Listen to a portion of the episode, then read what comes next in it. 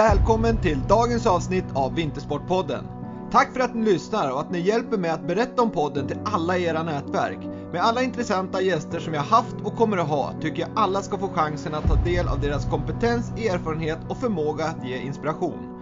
Så följ Vintersportpodden där poddar finns så ni får ett meddelande när ett nytt avsnitt är publiceras och naturligtvis följ Vintersportpodden på Instagram för att få relevant information om vad som är på gång och inspiration. Varmt välkommen till Vintersportpodden! Detta avsnitt är i samarbete med Pentab. Pentab bygger nytt, om och till och har erfarna och professionella medarbetare. Pentab bygger och har erfarenhet av fritidshus, villor, industrilokaler och kontorsbyggnader. Ja, som ni märker är Pentab byggföretaget som står till tjänst oavsett typ av byggnad. Pentab är det kompletta byggföretaget som erbjuder sina tjänster från första skiss till sista spik. När kunden är nöjd är Pentab nöjd. För mer information och offert besök www.pentab.se eller skicka ett mail till johan@pentab.se. För ny, om och tillbyggnad anlita Pentab och Brooks, The Running Company, som är helt specialiserade på löpning. Brooks grundades 1914 och har lång erfarenhet hur bra skor ska utformas. Det kan jag verkligen bekräfta. Jag har testat många olika modeller och kan helt ärligt säga att Brooks har skor för alla löpstilar och underlag. Unna dig och din löpning ett par Brooks-skor nu när våren är här. Med bra löpskor blir löpupplevelsen roligare och hälsosammare för din kropp. Run Happy med Brooks, The Running Company. Nu kör vi igång dagens avsnitt.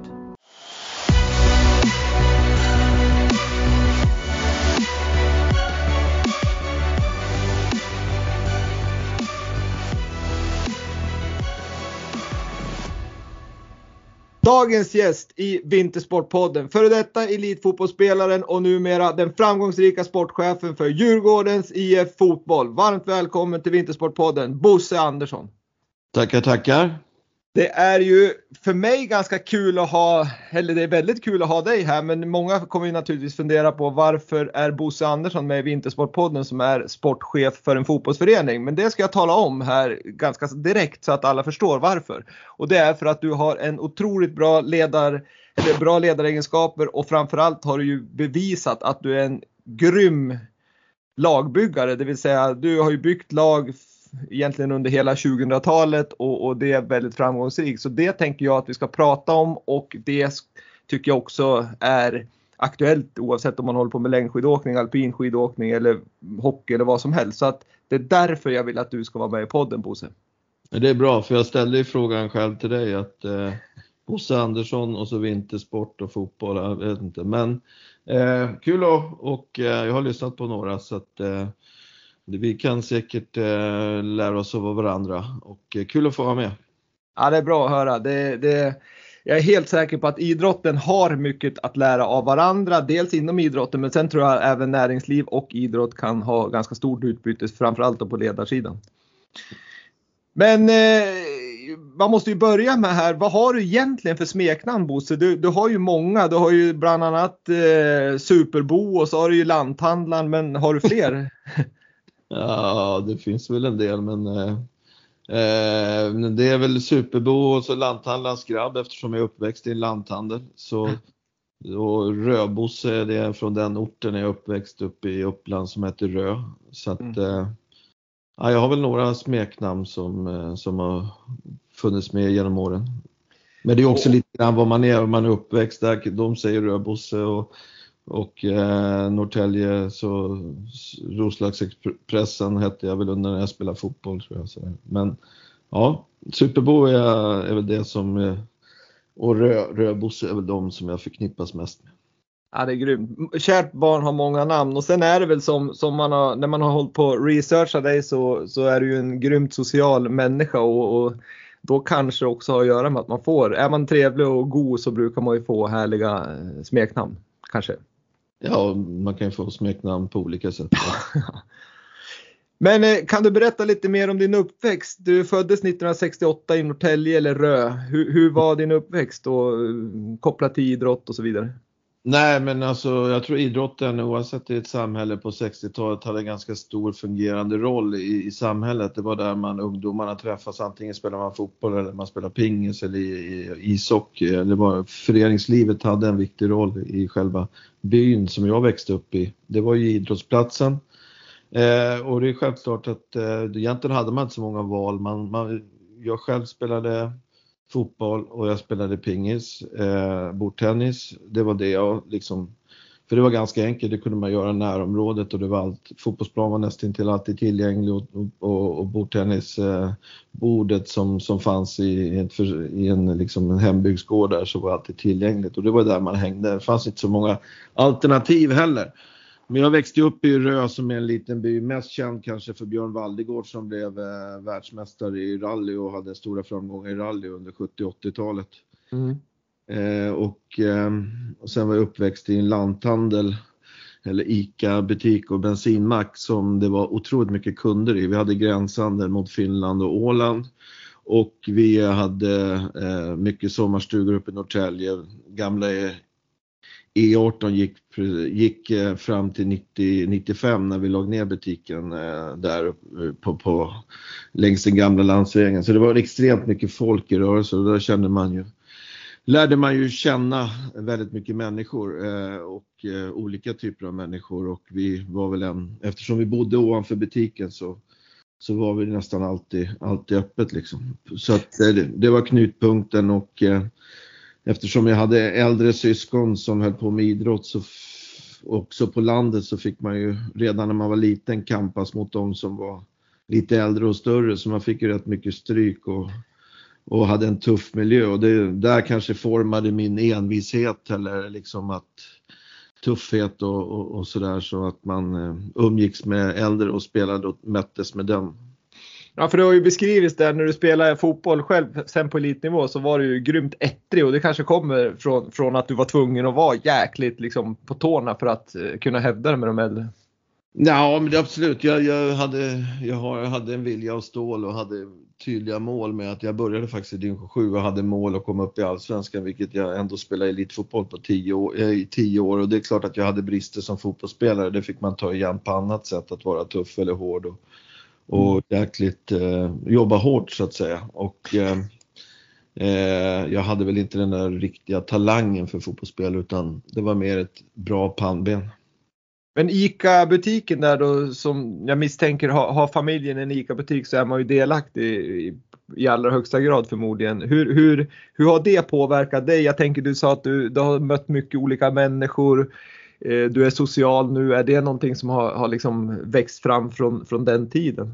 Nej men absolut. Vi hade ju en butik som, eh, som det var cirkulerade extremt mycket, mycket folk med olika personligheter. Eh, vi hade ju ja, vi, Gösta Boman var en flitig kund samtidigt som Lars Werner så fattar man, om man mötte de två så fattar man att människor är olika. Mm. En del det blev ju också mötesplats när, när liksom folk kom tidigt på morgonen eller att man väntade på kvällstidningarna så var det ju liksom en mötesplats i, i, i samhället och, och, det är klart att eh, en sak som man lärde sig där det var ju att man, man ville ju ha alla typer av kunder eh, och man blev ju social för att eh, var man social och hade lite så, eh, så, så, så, så sålde man ju mer och, och var mer engagerad. Så att, så att eh, det är viktigt att eh, man, kunderna är trogna och att de trivs att komma till, till affären. Liksom.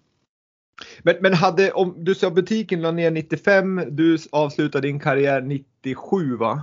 Mm. Hade, hade, hade du varit ICA-handlare idag om, om butiken hade varit kvar? Ja, jag hade gärna varit ICA-handlare för de stark utveckling. Eh, Degen finns inte kvar och det hade väl inte varit någon sån där utveckling eh, eh, på den positionen. Men däremot så var det någonting som jag tyckte var, eftersom man är uppväxt där och så, så, men vi, vi, varken någon av oss i våra syskon valde att gå vidare med, med ICA eh, och butik för vi visste också att vi, vi var uppväxta där att det är otroligt passande eh, och krävande man är, får aldrig typ av ledigt, det är ganska stort ansvar. Så att, eh, men jag satsade också på fotbollen och idrotten där så jag kombinerade ju där väldigt länge som jag, samtidigt som jag utbildade mig till, till polis också.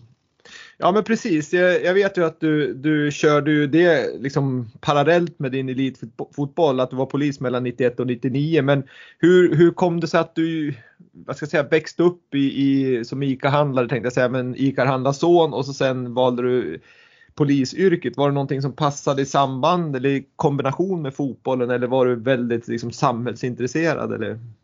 Nej, det var, eh, det var två saker som formade mig som jag tänkte jag skulle bli. Det var när Eh, eh, det är ju bilar som, dels så var det eh, på 70-talet så var det ett antal spelare, Djurgårdsspelare som spelade i Allsvenskan eh, på 70-talet som stannade och tankade och det var de kom i sådana här stripade Djurgårdsbilar. Eh, det var Tommy Berggren, det var Kurt Olsberg, det var Håkan Stenbeck, Tommy Davidsson och Kjell Samuelsson och Birger Jakobsson som skulle åka ut på en fotbollsskola uppe på Barnensö och de stannade där. Eh, och just det gjorde mig till djurgårdare och jag kände fotboll är någonting jag ska satsa på och spela i Djurgården. Det var min dröm.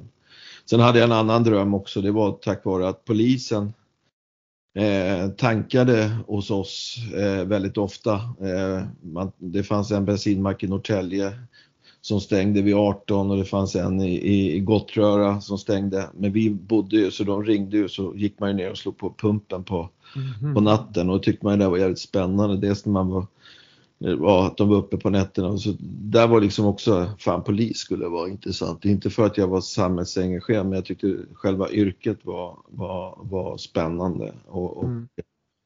på den biten. Och jag, som sagt var, jag det var mer en barndröm som, som var som passade perfekt i tajmingen just då när jag eh, sökte polisskolan och eh, konstigt nog kom in kan man ju säga och sen blev jag kvar där. Otroligt bra utbildning, otroligt bra arbetsgivare som jag hade då som polis när jag kunde kombinera med fotboll och eh, jag var väl inte jag jobbade ju aldrig heltid men på den tiden var det fantastiskt bra att kunna kombinera. Då var man ju inte fotbollsspelare heller på 100% utan man hade det som en bisyssla och så hade man ett annat yrke på sidan om. Är det någonting som, som du liksom ändå saknar idag? Jag tänker det är många unga killar idag som har, och tjejer som har väldigt liksom bra betalt och, och man ja, man, man, man, lever på sin fotboll men det är ändå inte fulla dagar ofta. Skulle det inte vara bra för någon att, att ha någon liksom bisyssla ändå? Jo, det tror jag absolut. Jag tror man nischar sig väldigt hårt idag. Man går in i skolan, man väljer fotboll. Man kan ju välja det från nästan mellanstadie, högstadie, gym, gymnasiet till fanns ju inte på min tid utan man väljer, man, man är fotbollsspelare väldigt tidigt eh, och det kan man ju klart märka på, i min roll som sportchef i Djurgården att eh, man är ju fotbollsspelare, man kanske inte tänker så mycket på morgondagen och, utan man lever i nuet där men en dag tar karriären slut och då tror jag det är jävligt bra att man har en annan typ av plattform. Eh, man tjänar bra, man, vi har ju spelare ibland som man inte förlänger kontraktet med och så har man spelat fotboll i 10-15 år och så hux flux så, så är det inte så enkelt att hitta en plattform eller att ha tålamodet att utbilda sig eller någonting. Det är en extrem svårighet och vi, det är någonting som jag har med mig som är väldigt viktigt att man avslutar, att man har påbörjat någonting. Eh, är, det någonting du pratar med, med spelare om liksom, ja, men under tiden i Djurgården att det är viktigt att man skapar sig en, liksom, som du säger, en annan plattform också så att en dag tar det här slut? Ja, absolut. Det, det kanske är svårare med en, en eh, 20-21-åring men däremot så så känner vi som att eh, ett ansvar som fotbollsklubb att när man eh, har något år kvar att några kanske inte är ens mottagliga för att eh, ta emot det, att fotbollen tar slut eller man, men att kombinera det där, att man utnyttjar, ja, som i vårt fall Djurgården, man kanske är mer intresserad med sponsorer, man hittar någonting och så, så finns det någonting som man kan göra. Det, det är extremt och vi har väl dags dato så har vi eh, no, väldigt, några väldigt lyckade fall de sista åren där man eh, redan har börjat jobba i, i, när man spelar fotboll och vi har faktiskt också några som utbildar sig och studerar så det är någonting klart som jag tycker man, gärna att man har någon bisyssla. Sen om man pluggar att det, okej okay, låt det ta något år extra då eller att man eh, har ett arbete som, eh, som man eh, kommer att slussas in i. Att det finns, eh, och en kontakt redan etablerad. Jag tror det blir väldigt svårare med om man lägger av och, och så trycka på en knapp två år senare, då är det mycket svårare. Ja men verkligen och det gläder mig att, höra att ni, att ni jobbar på det här viset. För jag menar, de har det ju ganska förspänt också med, som du säger, med alla samarbetspartners och så vidare. Att man kan få börja få in en, en fot och göra praktik eller vad det nu är. Så det är ju toppen det verkligen. Mm. Härligt att höra. Men, men du sa där någonting som, som jag lite grann har pratat med andra gäster om i, i den här podden som, som, som är inom vinteridrotten. Men det, det, spelar ingen roll för det handlar om samma sak oavsett om det är skidor eller fotboll. Eh, men, men det är just det här med tidig specialisering och där, där ser vi att det går ner i åldrarna att man kan nästan inte numera hålla på med fler idrotter när man, när man redan är 10-11 år. Och dessutom så är det så väldigt mycket uppstyrd träning, det vill säga att man kör tisdag, torsdag, fredag, söndag mellan eh, 18 och 19. Och den här spontanidrotten försvinner. Hur, hur ser du på, dels hur ser du på, på själva tidig, tidiga specialiseringen? Eh, jag jag tror inte på den. Eh, jag, jag, är van att växa upp i en där man håller på med allting. Man klättrar i träd, man är i rörelse extremt mycket med oavsett om man cyklar eller man spelar fotboll eller landhockey eller sånt där. Jag är ganska pro det att liksom att Eh, att man har lite, man håller på med olika saker eh, och man väljer senare. Eh, man kan klart se det själv i fotbollen idag. Det är en mycket tuffare specialisering, det är en tuffare utslagning.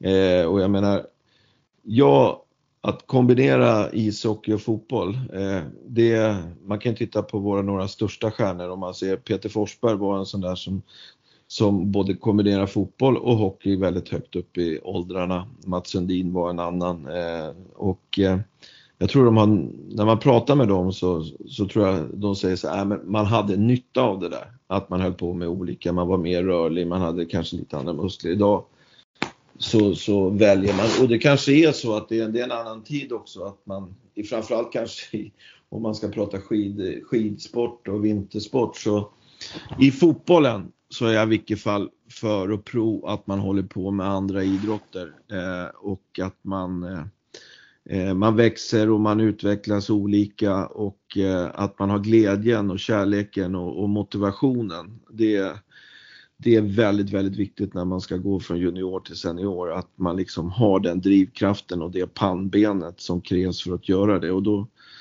då tror jag att det är bra om man har eh, mer eh, olika typer av idrott. För det blir så nischad. Man, i, man blir uttagen och så blir det konkurrens och sen, jag, jag tror man får mer fel på den andra vägen än gå än att man eh, främjar för att eh, ha, hålla på så mycket idrotter som möjligt. Mm.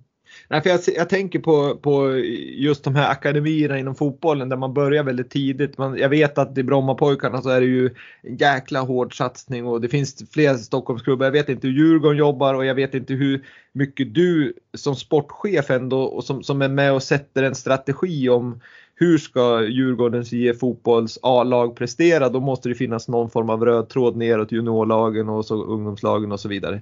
Hur, hur mycket pratar ni om det här och liksom att, att hindra den här tidiga spe, specialiseringen och utslagningen? Men alla, alla klubbar har lite olika förutsättningar. Eh, några jobbar på det sättet och har gjort det väldigt bra. Brommapojkarna har fostrat extremt många bra fotbollsspelare som har också kommit till Djurgården som har varit gang för oss. Eh, vi har väl kanske en liten, eh, liten, eh, vi, vi är en, har, vi har 2 500 barn som spelar fotboll i, i Djurgården, pojkar och flickor. Eh, vi har faktiskt inte så bra, eh, vi har inte så många fotbollsplaner utan man får dela upp och etc. Vi försöker satsa på att utbilda fotbollsspelare i Djurgården och från 15-16 år så har vi olika verktyg med fotbollsgymnasien etc. man kan göra. Och eh, vi, har, vi ska vara bra i 16, 17 och 19 i de tre lagen. Eh, vi har väl kanske lite mer senare rekrytering än många andra Stockholmsklubbar skulle jag mm. tro. Intressant. Bra svar tycker jag där att det är ju när man börjar bli äldre där det är då det gäller när man, när man liksom har kommit förbi den här äh, puberteten och utvecklingen för alla utvecklas ju olika snabbt också i kropparna.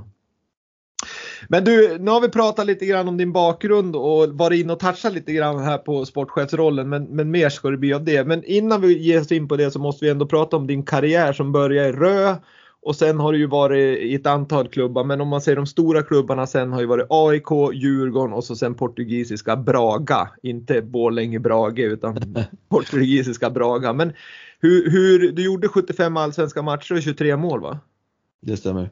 Och du vann skytteligan 95 eller 94 för Djurgårdens skytteliga ska vi säga. Ja det vann jag 94, 95 vann jag fan interna.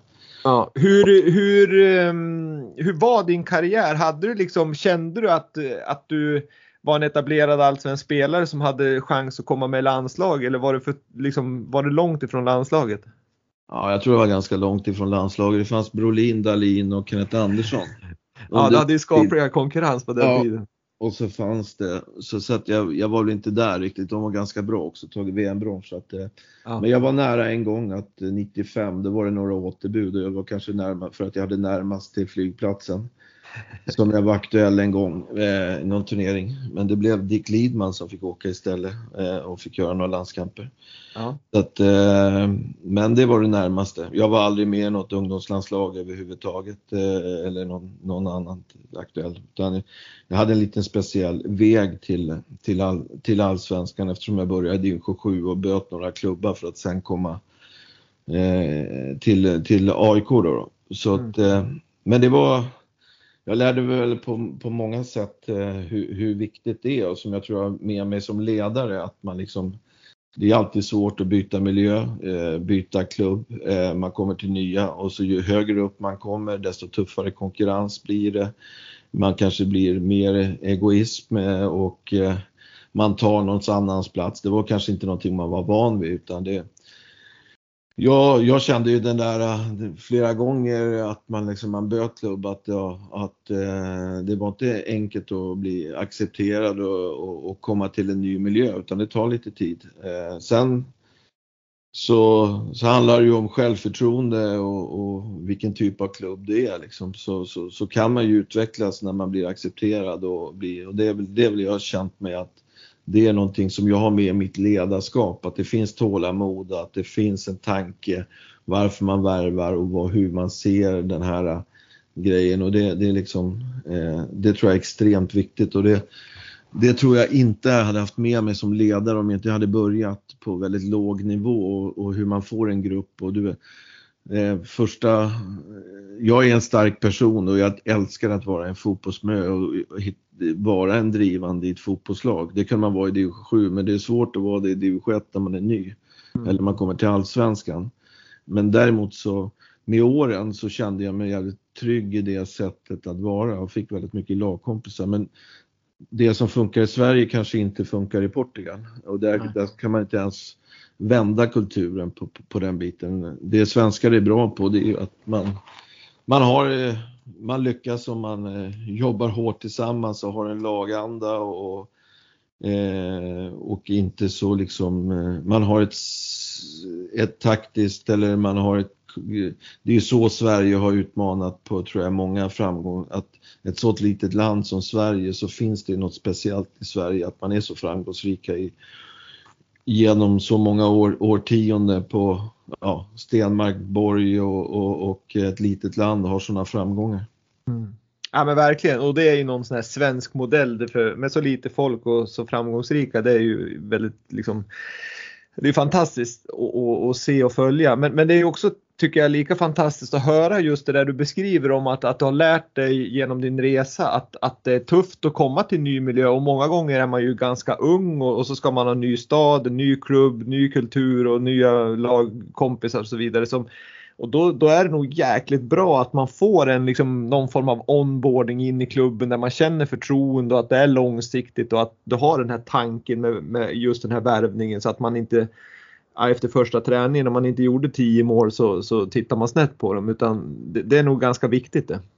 Ja, det är extremt viktigt. Vi har ju väldigt mycket lycka. Det, alltså, det, det, det är otroligt viktigt i Djurgården att man kommer. Vi liksom, man, eh, man värvar och det är så mycket snack om att värva fotbollsspelare och man ska göra det och förväntningarna och tålamodet från supportrar etc. är väldigt, väldigt, väldigt litet.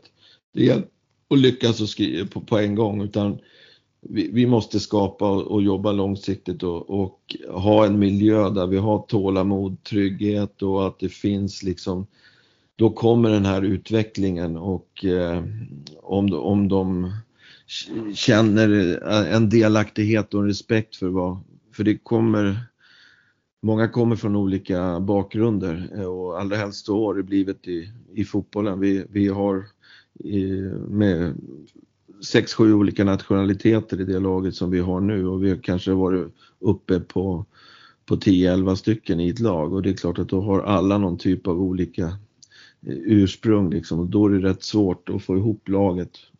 Verkligen, verkligen. Men, men eh, vi ska komma in mer på, på just det där teambygget. Men eh, du avslutade ju karriären 97 i Djurgården.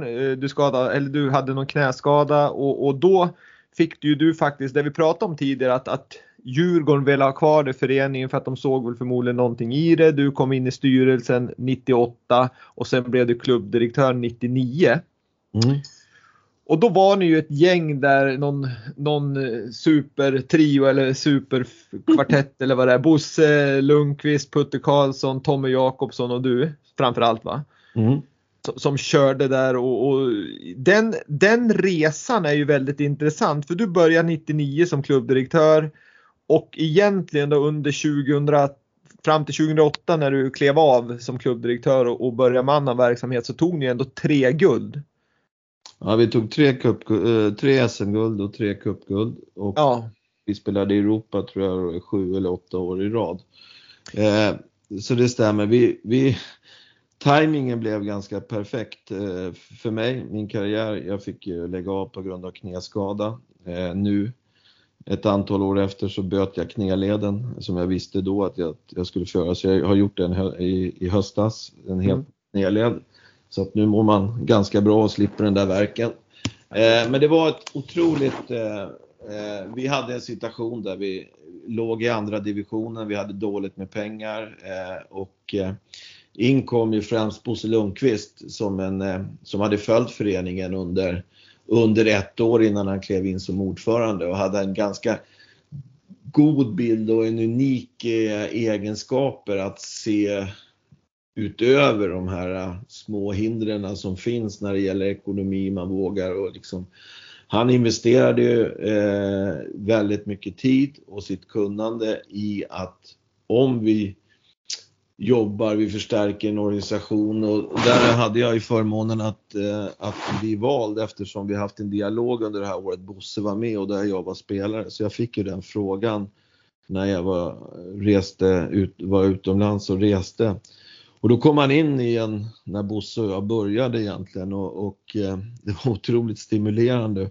Och det fanns bara ett blankt papper fast det fanns en sån historia och, i Djurgården så fanns det liksom väldigt lite under ytan. Eh, och eh, kreativiteten var ju enorm och, och, vi kunde göra saker och sen kom ju Tommy och Putte och där vi sa att vi, vi ska fan bygga en kultur för att kunna, kunna lyckas och sen hade vi väl kanske lite flyt på vägen och vi var före vår tid. Vi, vi hade investeringspengar och vi hade noll trovärdighet när det gällde supportrar. Vi, vi hade som till exempel när vi vann SM-guld i Borås 2002 så hade vi 42 bussar ner dit eh, och eh, vi hade en otroligt bra publiksnitt som man inte ens hade vågat drömt om två år tidigare.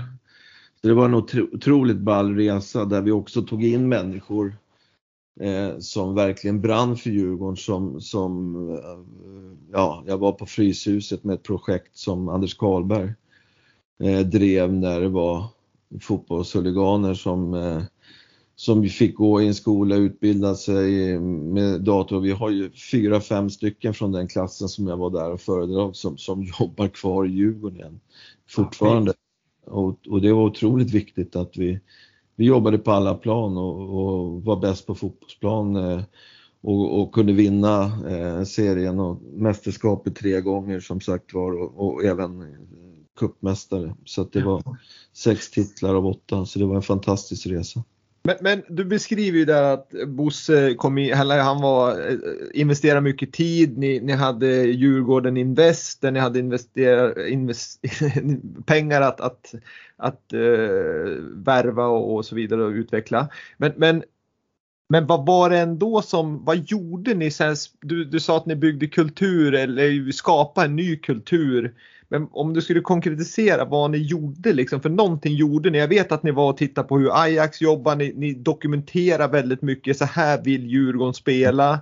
Liksom, kan du beskriva mer om, om vad gjorde ni och hur, just det här kulturbyggandet, för det tycker jag är intressant att, att ja, men, se hur. Vi var väldigt nyfikna och vi skulle titta på, eh, på, på rent sportsligt är det rätt som du säger, vi var och tittade på, på, på Ajax och vi var och tittade på, på några andra klubbar till.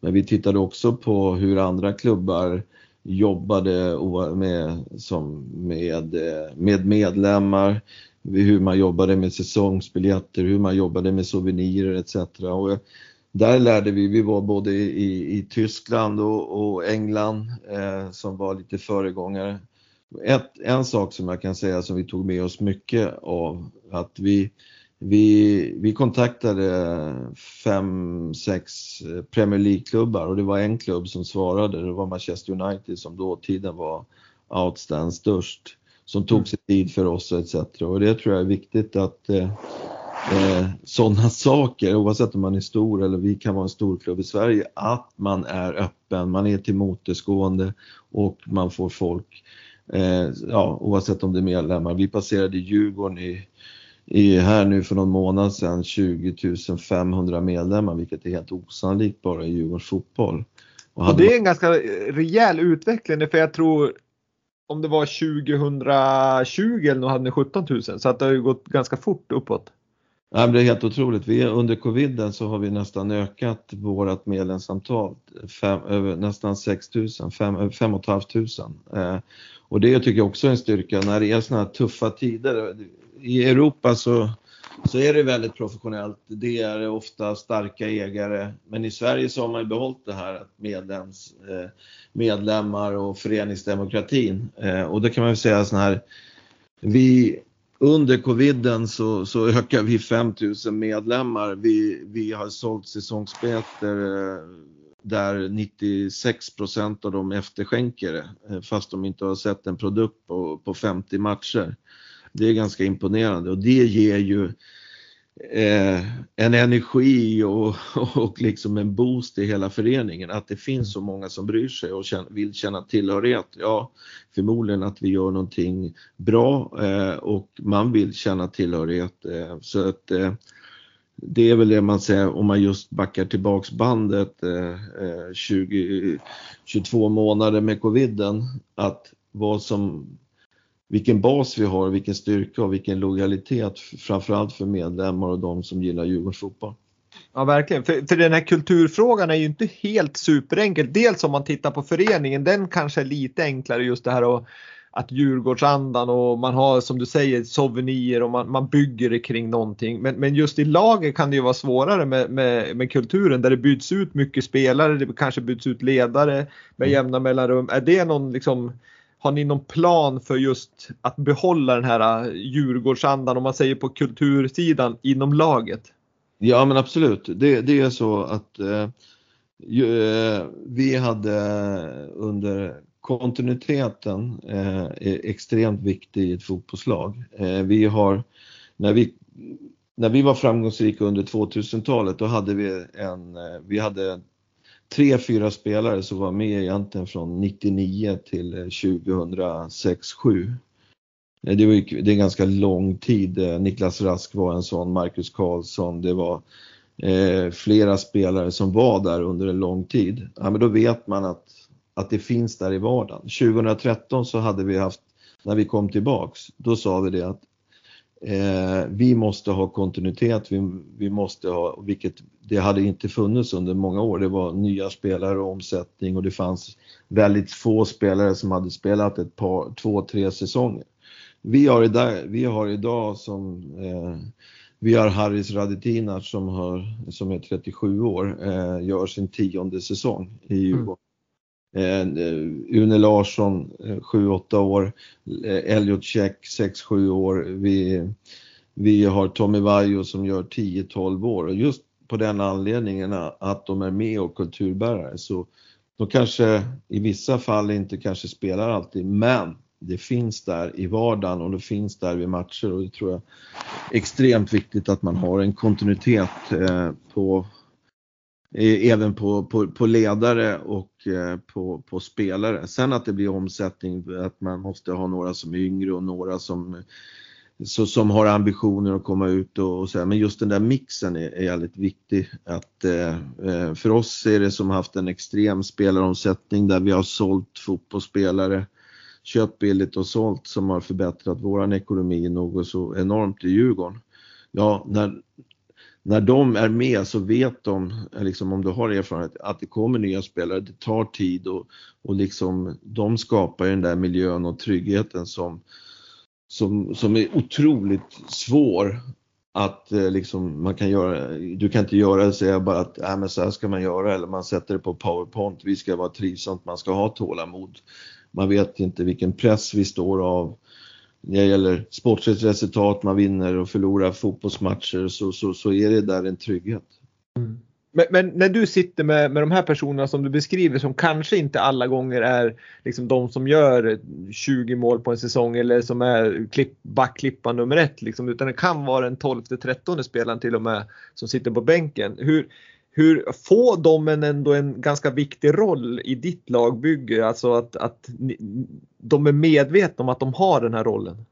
Absolut, det är extremt klart och tydligt i min värld att man, man är här, man är, tillhör Djurgården, man, man är på de här spelarna eh, som är runt utsidan, det är det som, som gör skillnad i slut, slutresultatet för hela, hela laget. Man kan ha några väldigt bra fotbollsspelare, man kan ha ett bra lag men vi måste ha 18-20 spelare eh, för att kunna prestera och ha ett bra lag över en säsong utifrån de utmaningar och då är det klart att fyra, fem spelare som, som, som vet eh, varför man gör det. Vad är syftet med att jag förlänger kontraktet och vad vill jag få ut? Ja, det är jag ganska klar och tydlig med i, i, i den biten. Vi har en sån, vi har två fall precis nu i vinter där både Rasmus Schüller och Magnus Eriksson har två år kvar på kontraktet där vi förlängde det ytterligare för att visa att vi, de är viktiga, att de ska känna en trygghet och att vi är de som ska gå i bräschen för den här gruppen. Eh, och, eh, och då kommer vi få bra sportsliga resultat. Precis. Och, och, och där, jag måste ställa en, en följdfråga just på det där. Och det är ju som om, om du har den här gruppen personer, vi säger att truppen är 18 personer, nu vet jag inte om man är 18 eller 20 och, och ehm, liksom alltid kommer det ju någon sån här superstjärna som kanske, vi säger att du värvar från Juventus och så kommer när Isaksson kom in till exempel i, i till mm. Djurgården och så, som superstjärna. Och så liksom tror han att han kan liksom köra sitt eget race för att han är ju superstjärnan. Har ni tydligt liksom det här gäller i Djurgården, den här kulturen, förhåller man sig inte till det så, så är vi beredda att plocka bort även superstjärnan. Är det liksom viktigare att kulturen får hålla och att teamet byggs än att en superstjärna gör som den vill och gör, kanske gör några mål extra? Nej, men jag tror kortsiktigt kan det vara så att man, man, man, kan göra det. Men om du tar Isakssons fall så har han varit otroligt viktig för vår kultur i Djurgården. Han kom som ung kille från Juventus. Han var en supertalang eh, som, som gick i bräschen. När han kom tillbaka så tränade han tillsammans med Kim. De tränade extremt hårt i mängd, var först dit på träningen och sist därifrån. Sen var han ute, och både Kim och Isak var ju ute i 13-14 år. Och att sen komma hem där man har varit, ja, haft en fantastisk karriär, båda har gjort över 130 landskamper och så kommer man hem och avslutar i Djurgården. Det är någonting som jag är extremt stolt när man var med och värvade dem som unga och sen efter en så lång karriär kommer hem och visar och spelar hos oss. Det är klart att det är, det är andra personer men de vet vad Djurgården är och vad vi står för och de extremt det var också här de började sin, sin, sin resa. Mm. Då får man ju extremt eh, kvitto över tid hur, hur Djurgården är så att säga. Och där, där är ju de spelarna, det är de som, eh, som går i bräschen för det. Ja precis och, och, de där två som du nämnde var ju jätte, alltså de var ju fina människor också och, och super liksom duktiga spelare så att det var ju sådana här lyckliga fall om man ska säga. Måste Nej, kännas... Det är klart att det är svårt och det är en utmaning. Det är klart att vi har haft sådana fall också. Eh, men eh, jag tror inte oavsett, i mitt ledarskap så är jag inte bang precis om det är någonting som strider eller någonting som händer. Det måste du bara ta. Absolut. Mm. Sen kan det få konsekvenser, men gå inte och vänta eller gör eller tro att det ska bli bättre. Pang, sen får man inte vara långsint eller någonting utan eh, ta det då och sen lös, rensa luften och så går man vidare. Och sen så så i våra fall så tycker jag att det, det vi har väl haft väldigt få rötägg. Mm. Ja, det är härligt att höra. Men det kan ju vara för att ni är, har tydliga, liksom, tydliga, tydlig kultur och tydliga riktlinjer och, och Djurgårdsandan eller vad man nu ska säga. Det, det, kan ju ha att göra med det också, att man vet att när man kommer hit då gäller det här. Ja, jag tror att också det handlar om en ledarfråga givetvis. Mm. Mm. Jo, jag menar det. Ja. Liksom att du, både du och dina mm. tränare och hela staben runt om eh, mm. liksom är så inkörda i det här så att jag tror att det kanske inte finns utrymme till något annat. Nej men så är det. Vi, vi är väldigt lyckligt lottade. Vi har haft en extrem kontinuitet också i, i ledarbiten med fystränare, rehab, lagledare, materialare och, och den biten. Och jag menar, eh, vi startar om här om några dagar. Vi hade möte idag liksom. Det, det, det faller sig ganska naturligt och mm. eh, man också har sina roller och, och, och, en sak som är extremt viktig för mig det är att man man kan ha olika titlar och nischer, men att man tillsammans är ett team. Är det någon väska kvar så hjälps man åt oavsett om man är materialare eller inte. Att alla känner delaktighet och ansvar i en ledargrupp. Yes. Men du, för alla som lyssnar här så är jag inte helt säker på, vi, vi nämnde att du började som klubbdirektör och så sen mm. fram till 2008. Sen 2013 då blev du sportchef du, som du också är nu. Kan du bara liksom kortfattat säga vad, vad är ditt ansvar som sportchef för Djurgårdens fotboll? Mm. Man kan säga så här när fotbollen har utvecklats enormt, organisationerna, när jag började i Djurgården så var jag en av de första anställda, var, då var det ganska naturligt att du blev klubbdirektör. Idag Eh, idag har vi ungefär 45 stycken som jobbar på Djurgårdens fotbollskansli där vi driver en fotbollsklubb som spelar herrlaget spelar i Allsvenskan, vi har ett damlag som spelar i Allsvenskan, vi har ett futsallag, vi har eh, 2 500 barn, pojkar och flickor som spelar fotboll i Djurgårdens regi. Och vi har en ungdoms eh, eh, vad heter det, en akademidel både för pojkar och flickor. Eh, vi är en fotbollsklubb där de flesta där det, där det utgår från fotboll. Vi har en eh, väldigt stor eh, skol-IF där vi med Djurgårdens fotboll. Idag aktiverar eh, 30 skolor där Djurgårdens fotboll är ute på och får 5-6 tusen barn i rörelse varje, i stort sett varje dag. Eh, så att det, det, är vi extremt stolta över. Eh, mitt ansvar som sportchef, ja det är att du ska ta ansvar för den professionella delen av fotbollen, alltså herrar eh, är den biten. Eh, vi har en sportchef för damerna. Jag har ansvar för eh, personalansvaret, jag har ansvar för spelar, eh, spelaransvaret och ledare och tillsättning. Jag har givetvis också ansvar för budgeten utifrån styrelsen. Eh, och eh, jag ansvarar för rekrytering eh, tillsammans eh, med ett antal personer som vi eh, som är involverade i all rekrytering och all spelarförsäljning. Det som är unika med Djurgården tror jag, det är att vi har en sportchef som också jobbar eh, med, med intäkter. Vi har en VD som heter Henrik Bergen, han jobbar med han har ansvar för det totala Djurgården eh, som jag pratade om eh, och eh, han jobbar ungefär 20% med sin tid brukar vi säga, att våra cirklar går ihop. Han är väldigt uppdaterad och är delaktig i allt vi gör vid A-laget. Jag lägger väl 20% för att entusiasmera, vara delaktig i, i föreningen på, på olika frågor men framförallt också vara med att ta in intäkter. Jag, med, med huvudpartners och ett antal sponsorer som, som är viktiga för oss där jag får lägga en viss tid och jag tror vår framgångsmelodi är just det att vi, vdn och sportchefen jobbar tillsammans eh, där jag tror en sponsor som inte får komma in och ha kontakt med själva kärnprodukten, vad händer i laget eller man är med på match eller får komma in i omklädningsrummet. Ja, det, det, det, det, det är extremt viktigt i Djurgården att sponsorerna känner sig delaktiga och det är också det som jag känner att eh, kurvan har gått uppåt på sponsorintäkterna. Vi började på en väldigt låg nivå och har lyckats extremt mycket i det. Och eh, det, det, där man känner att man är delaktiga, hur vi tänker, vad vi gör och får den här lilla informationen. Så att eh, det är väl i korta drag. Eh, hur vi är. Men jag har otroligt många bra medarbetare runt omkring mig eh, som Eh, någon jurist, administratör som, och att alltid är med eh, personer som lagledare som ser till att spela det vi det vi pratar om att vi också kan leverera. Där har jag extremt många bra medarbetare med runt, om, runt omkring mig. Eh, för att annars hade det blivit ohållbart.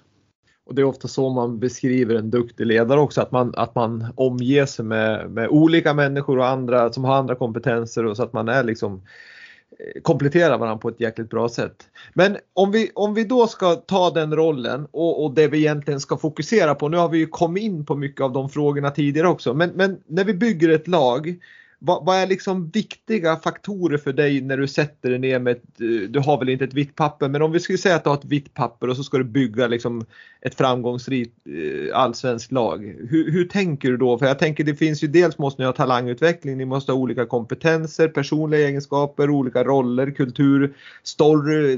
Du måste ju berätta varför ska en spelare komma till Djurgården? Ja, för att vi ska utveckla dem och att eh, bla bla bla och så vidare.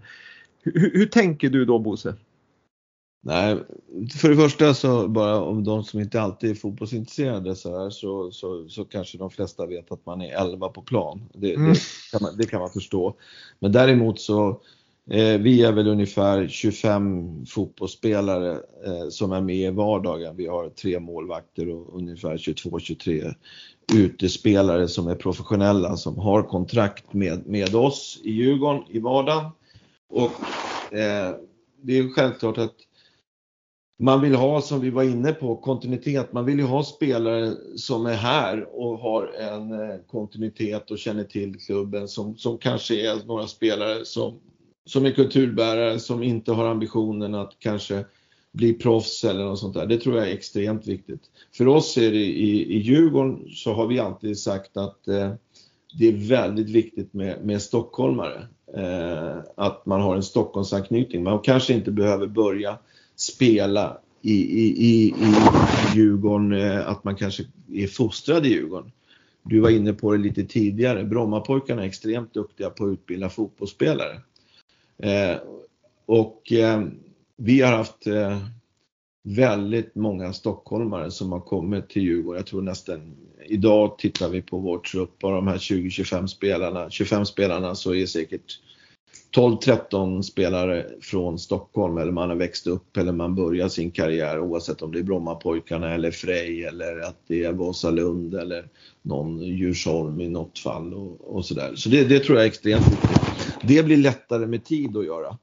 Idag, eh, det kanske är lätt och svårt att säga i början, men vår ambition har varit det och det, har, det är jag extremt stolt över att vi har lyckats. För då får det när du har några sådana lyckade exempel, eh, då, då blir rekryteringen också lättare om du gör det, gör det bra.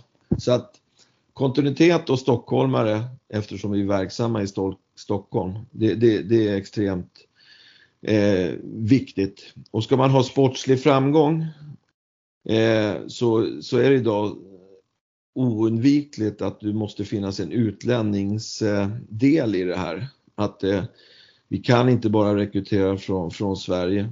Och då har vi haft två ben egentligen.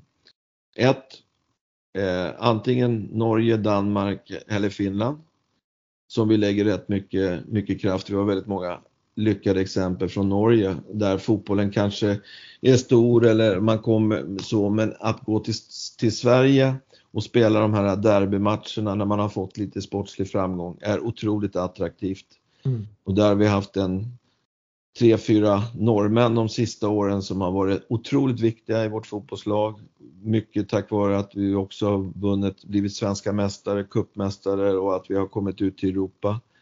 Eh, och sedan det här benet som vi har eh, också varit väldigt framgångsrika, det är att vi har eh, med Afrika, vi har tagit in unga oskolade fotbollsspelare som vi har erbjudit en miljö eh, och eh, haft ett ja, tålamod långsiktigt att komma till Djurgården, utvecklas för att sedan gå vidare.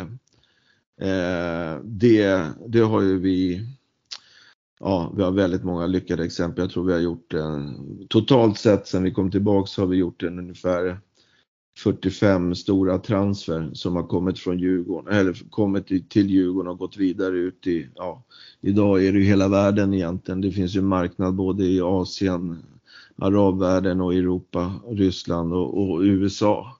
Och det där har ju gett oss en otrolig trygghet eh, att göra, köpa fotbollsspelare billigt, utveckla och sälja vidare. Och då får man ju också vara extremt tydlig med att, att det är så resan ska gå. Eh, och sen är det ju som det som, som vi var inne med Kim och Isak, det finns ju fotbollsspelare som har varit ute i Europa som vill komma tillbaks till Sverige. Så det, det är väl en fem, sex olika eh, typer av rekrytering samtidigt som vi har idag i vår trupp sex spelare som, som började spela fotboll i Djurgården när man var ja, från 15 år till 6 år. Och det, men, men hur, du nämnde tidigare att ni hade, jag kommer inte ihåg vad du sa, 7-8 nationaliteter eller kanske mer i laget. Mm. Eh, hur, hur, och du säger att ni har värvat en hel del unga från, från eh, Afrika. Hur, hur liksom, det måste ju vara en ganska stor utmaning kopplat till den här kulturfrågan vi, vi, vi pratar om. För det råder ju ändå jäkligt stor skillnad i kulturen mellan massa olika länder och för, framförallt kanske när man kommer till Afrika. Ja men absolut. Eh, jag har varit eh, eh, jag fick en liten blodad tand för över 20 år sedan när jag var på mitt första besök i Afrika. Och jag har väl varit i 18 länder där tror jag, när jag pratade häromdagen, så och gjort väldigt många resor till, till Afrika. och om jag kommer till Afrika så är min kultur helt, ja, jag får ju jag blir ju helt vilsen när jag kommer dit. För det, det som jag tar för givet i Sverige funkar inte där. Och det där tycker jag är jävligt spännande. Eh, att, eh, att, eh, att vara i. Det var för mig väldigt obekvämt att sitta och äta mat med händerna heller. Man, det som man tog för givet i Sverige var inte alls det som, som funkade där. Om man bestämt ett möte klockan 10, det blev klockan 3 och sådär. Eh, och det är jävligt frustrerande om man kommer som svensk liksom. Mm. Eh, och kommer du då från Afrika upp till Sverige, då är det extremt viktigt för mig att förbereda sig på dem och då kan man ju då mycket lättare med teknik och att, att ha kontakten med mamma och, och, pappa och vad frågan är, vad man kommer till idag när det finns allt från Facetime och allting och man kan få en bild. Men oavsett om man inte har varit där så, så är det helt omöjligt för mig att eh, måla upp bilden. Eh, jag pratade med Michael Olunga som är en spelare som kom 19, 2016. Eh, han kom den, i januari där. Och, eh, jag pratade med han idag, han är en stor fotbollsspelare i Qatar och har haft en otrolig resa efter Djurgården. Han kom första dagen när det var 25 grader kallt till, till eh, Sverige för, för fem år sedan, mm. sju år sedan nu. Och det var det hemskaste han hade varit med om. Man undrar vad han hade åkt till. Eh, sådär. Och där har vi ganska bra erfarenhet och det är klart att i Afrika så kan det vara Europa, EU, då tror man ju att man eh, värvar, jag värvade igång en granne till eh, Mané som spelade i Liverpool och det är klart att han har byggt en del stora hus och hans släktingar åkte ganska stora bilar, eh, vilket våran spelare kanske inte kunde göra för sin lön. Eh, det är ganska frustrerande och det måste man vara ganska klar över. Men framförallt så har vi lärt oss mycket i Djurgården på, på det där att vi har folk och vi har personer oavsett med språket eller alla hjälps åt på något sätt eh, att ja, vi tar här äter vi med kniv och gaffel och vi kanske är lite en annan typ av mat och, och, och eh, eh att man får eh, elräkningar och man betalar hyra istället för att man har ett stoppar in ett kort så, så, så, så, så det är så otroligt mycket. Eh, och där, det vi, vad jag tror är viktigt där också, det är att vi, eh, vi har spelare som har varit eh, här som fast de inte är här finns med de här spelarna och coachar så att det alltid finns en överlapp. Mm. Vi har väl eh,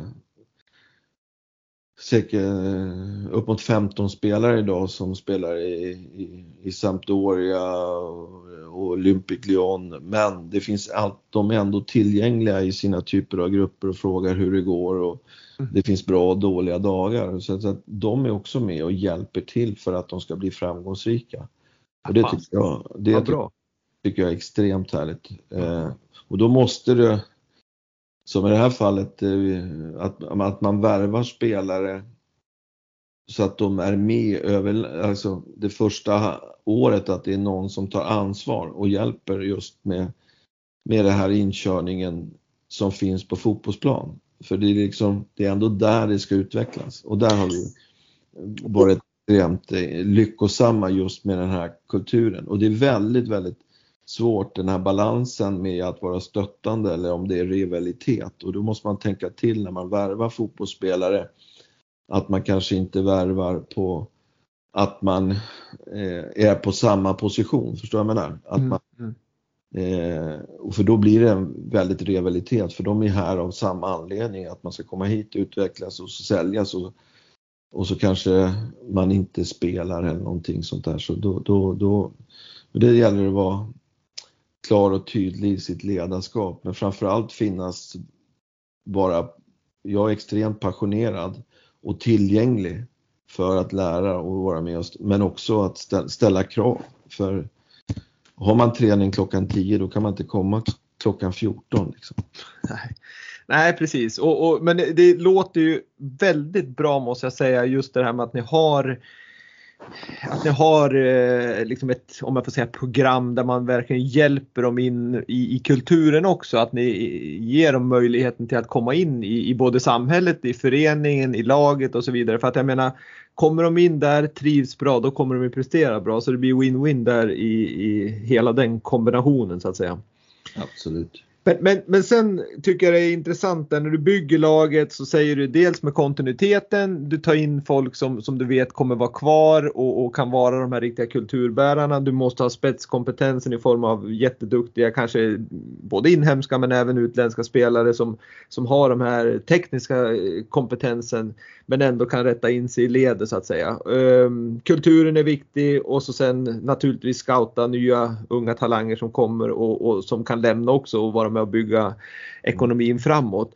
Och någonstans när, när jag räknar upp det här så så tycker jag liksom ändå att det är ganska likt om man tänker att man skulle bygga en avdelning på ett vanligt företag. Eh, så, så är det ju typ samma sätt man måste tänka där på något vis.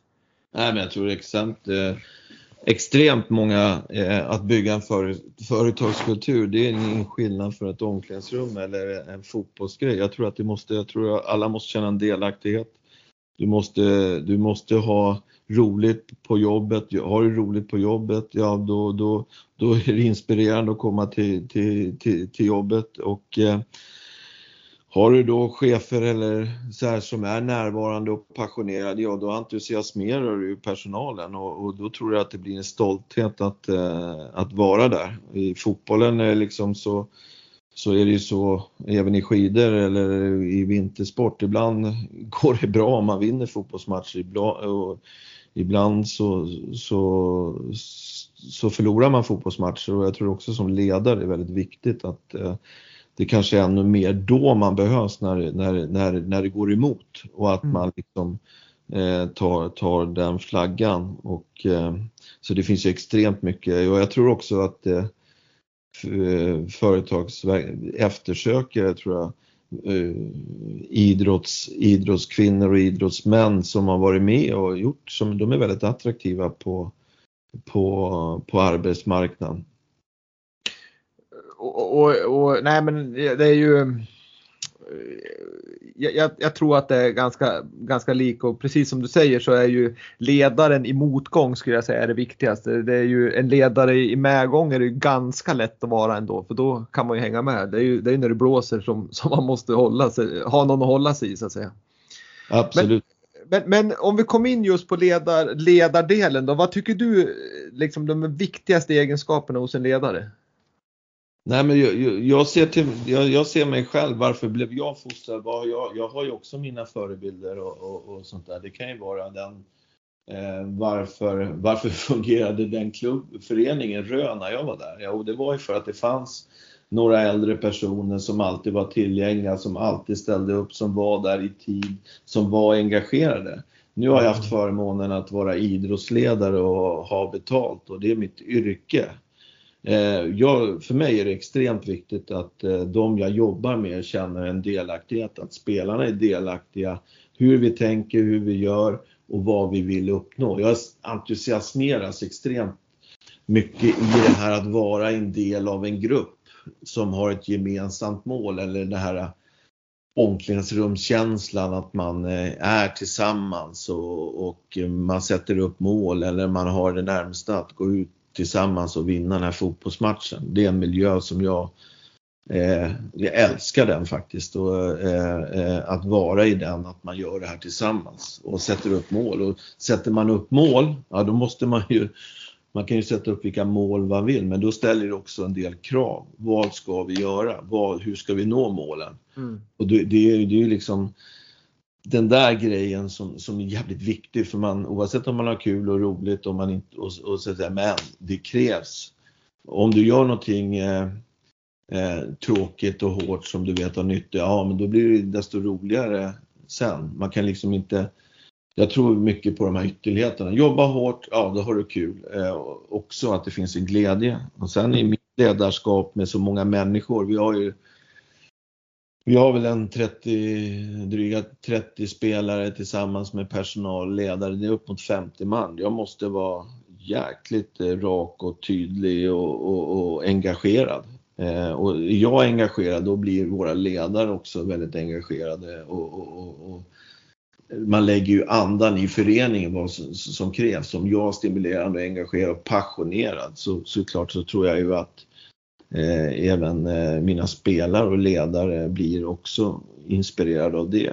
Och sen, ja, sen att man är som sagt var närvarande. Jag är väldigt mycket med på plats och följer vardagen. Man ser med egna ögon och, och, och eh, då kan man också ta beslut och man kan vara, vara såväl tråkiga som, som, som, roliga beslut och man kan ha en förståelse för spelaren också i sådana här val som man ska göra. Ja, men det låter ju jättebra för det är ju det är precis som vi pratat om med, med, spelare också att man är en god förebild helt enkelt som, som visar vägen för, för alla andra i sitt gäng. Men, men eh, jag tänker på Djurgården som förening är ju liksom en, en, en förening som har väldigt stort engagemang och historiskt sett så har man haft lite för mycket engagemang kanske i vissa i vissa supportrar som har gått över gränsen. Men, men tittar man nu så finns det fortfarande stort engagemang. Det är ju fantastiskt att gå på hemmamatcher både inom hockeyn och fotbollen. Att, att det är sånt tryck och det blir ju en extra spelare nästan på hemmaplan. Men, men hur hanterar man det i din roll som, som sportchef? Jag tänker några förluster och nå, liksom på raken så, så börjar det tryckas på från supportrarna. Hur, det finns mycket engagemang och åsikter. Hur hanterar du det? Nej men absolut. det är klart att eh, det jobbet, det känner man press av varje dag. Eh, att man, det är så många som, som berörs av vårt, en förlust eller etc. Vi, vi hade eh, en av de värsta förlusterna som nästan ligger, som man upplevt, det var ju bara när vi hade guldet i egna händer här 2021 och vi hade tre matcher kvar. Och vi spelade inför Eh, eh, inför 25 000 mot Varberg och få stryk och därmed tappade guldet och har egna händer.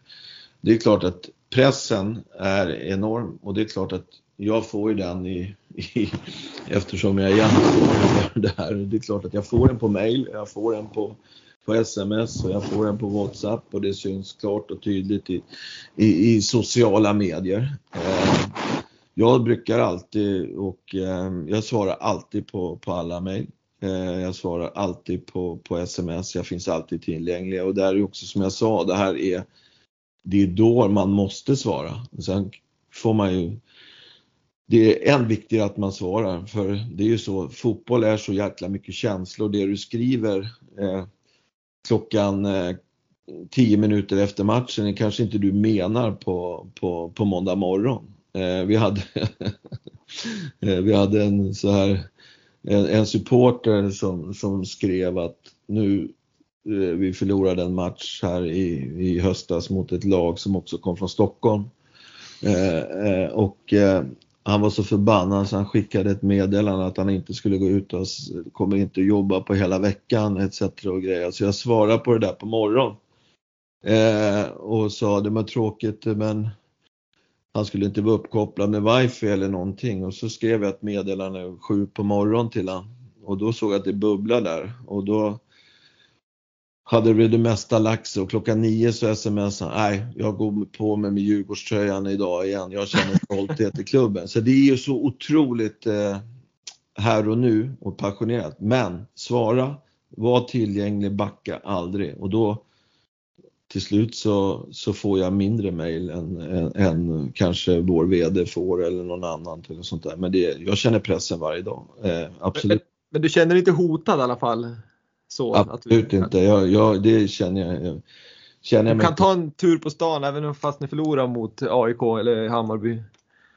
Ja, kanske. Jag, jag är lika besviken jag själv och jag kanske inte vill gå på stan om jag får stryk och sånt där. Men däremot så känner jag att eh, det är det som också är härligt. Jag, det är bara att titta på bilderna. Vi vinner SM-guld eh, 2019 i en sån där grasskamera. Det är ju liksom gräddet på moset när man får uppleva en, eh, alltså den glädje och nervin när vi tog ett SM-guld första gången på 14 år. Ganska, lite, ganska otippat också. Eh, så att eh, eh jag känner press men den, min, min och vår VDs press är minst lika hård för att göra ett väldigt bra jobb för Djurgården. Ibland så kanske man också som vi, vi tror det som det här året när vi när det var covid etc. vi gick in som svenska mästare, ja men då, då, måste du kliva in i ett ansvar för en förening och känna att personalen och spelarna ska ha trygghet och inte lösning på att värva fotbollsspelare. Vi måste ta ansvaret för en stor förening, hur, hur det blir och det där kan vara ett miss det kan kännas frustrerande ibland när man säljer en fotbollsspelare men man inte ersätter utan man vill att den här gruppen ska göra det eh, och man kanske rekryterar senare. Mm. Men där, det, det, det, är en svår balans och det, det är klart att det tar, på, tar kraft och det är liksom, man är inte oberörd. Men nu har jag haft, eh, jag har haft eh, turen att, att eh, jag har fått mycket kärlek också och, och stöd och att vi har utvecklat klubben och det, det känner jag stolthet över. Men sen kan man ju alltid, det svåra man kan, man, med idrott det är ju så att man, man vinner inte alla fotbollsmatcher och man, man kanske inte gör det liksom, eh, det går inte bra alla gånger och det är väl så med idrott i allmänhet och det, det är ju därför det är så så intressant och, och, och, och, spännande. Och det är därför man tror alltså har man jobbat med idrott så vet man också den här passionen och, och som du säger, det är liksom den framgången och den glädjen. Det, det är sån, det är sånt eh, stark känsla så att det, det, är svårt att inte jobba med idrott. Nej, men jag tror det. Det är. Det är ju liksom en Tänk dig alla, som, eh, alla föreningar som gör ett jobb och där idrotten är en viktig del av samhället. Och det kan man väl säga liksom, eh, de här i covid-tiden när barn inte får idrotta, eh, saker som, som var, där föreningslivet tar stryk för med sin verksamhet. Och jag tror att det kan vara ett, ett, ett tufft slag när man liksom inte kan leva fullt ut. Eh, mm. Som det är där man det är restriktioner etc. Och i föreningslivet är en stor styrka i, i, i, och viktig del i svenska samhället. Verkligen, verkligen. Och nu hoppas vi, även om pandemin har tagit fart igen, så, så hoppas vi att eh, det här är över så att vi slipper liksom se tomma läktare fortsatt, för det är ju förskräckligt tråkigt. Och mm. i ungar som inte får idrotta. Nu får de i och för sig idrotta, men, men det här eh, idrotten berör i samhället, det kan vi konstatera. Ja, absolut. Vi har ju otroligt och det spelar ingen roll. Alltså, vi har ju väldigt många kända företagsledare, vi har politiker som, som de är väldigt engagerade. Det är, liksom, det eh, som sagt var, vi har, det är många som är djurgårdare och det berörs eh, så extremt. Eh. Verkligen, verkligen. Men du Bosse, nu har vi fått sitta och prata med dig här i, i drygt en timme. Är det någonting som du skulle vilja tillägga eh, innan vi ska dra sista frågan? Nej, men det var kul att vara med. Jag har lyssnat på en del poddar och jag menar, vi, har, vi, vi är en lagidrott. Eh, fotbollen blir liksom lite mer individualistisk också. Vad, vad är det för mig? Vad ska jag göra? Vad ska jag bli fotbollsproffs och sånt där? Eh, jag, vi pratar och, och tittar, blir man ganska inte entusiasmerad eller man, man, man tittar på, på skidsport eller längdskidåkarna och, och, och den biten. Eh, det tycker jag är det individualister. Där, där står man mer på, på egna ben. Att här gör man det som ett lag. Men det, det blir mycket individualister och vi, vi måste vara nyfikna och titta på vad andra idrotter gör också. Där tror jag båda, som vi inledde det här med, har båda sidor har jäkligt mycket att lära varandra och det tycker jag man ska. Man blir bättre och bättre på det men det finns mycket kvar att lära tror jag. Mm. Men du Bosse, vi ställer den sista frågan som vi ställer till alla som är med i Vintersportpodden och den är ganska enkel att svara på. Kan du säga en framgångsfaktor för att lyckas med idrott? Eh, yeah. Eh, alltså du, du, inte ett ord då? Nej. Ja, det kan du göra. Du kan... Eh, då, då skulle jag säga Eh, alltså, ge, ge all, alltså, för min del så handlar det om att ha mål och sen ett bra pannben. Då kan mm. man stiga berg. Ja, jag ville hålla med det där. Det är liksom, det finns egentligen ingenting. Eller som Gunde skulle sagt, ingenting är omöjligt. Exakt, jag tänkte säga det. Det är liksom, lite så är det att man har man en, en tro och man, och man jobbar liksom mot det där målet hårt, då, då går mm. det att uppnå jäkligt mycket och, och, som du säger bestiga jäkligt höga berg. Mm. Bosse, stort lycka till med eh, truppbygget och stort lycka till Djurgården med kommande säsong och eh, jag önskar dig all lycka med eh, allt vad du tar dig för. Tack ska du ha, kul att vara med. Och, tackar, eh, tackar. Ha det bra.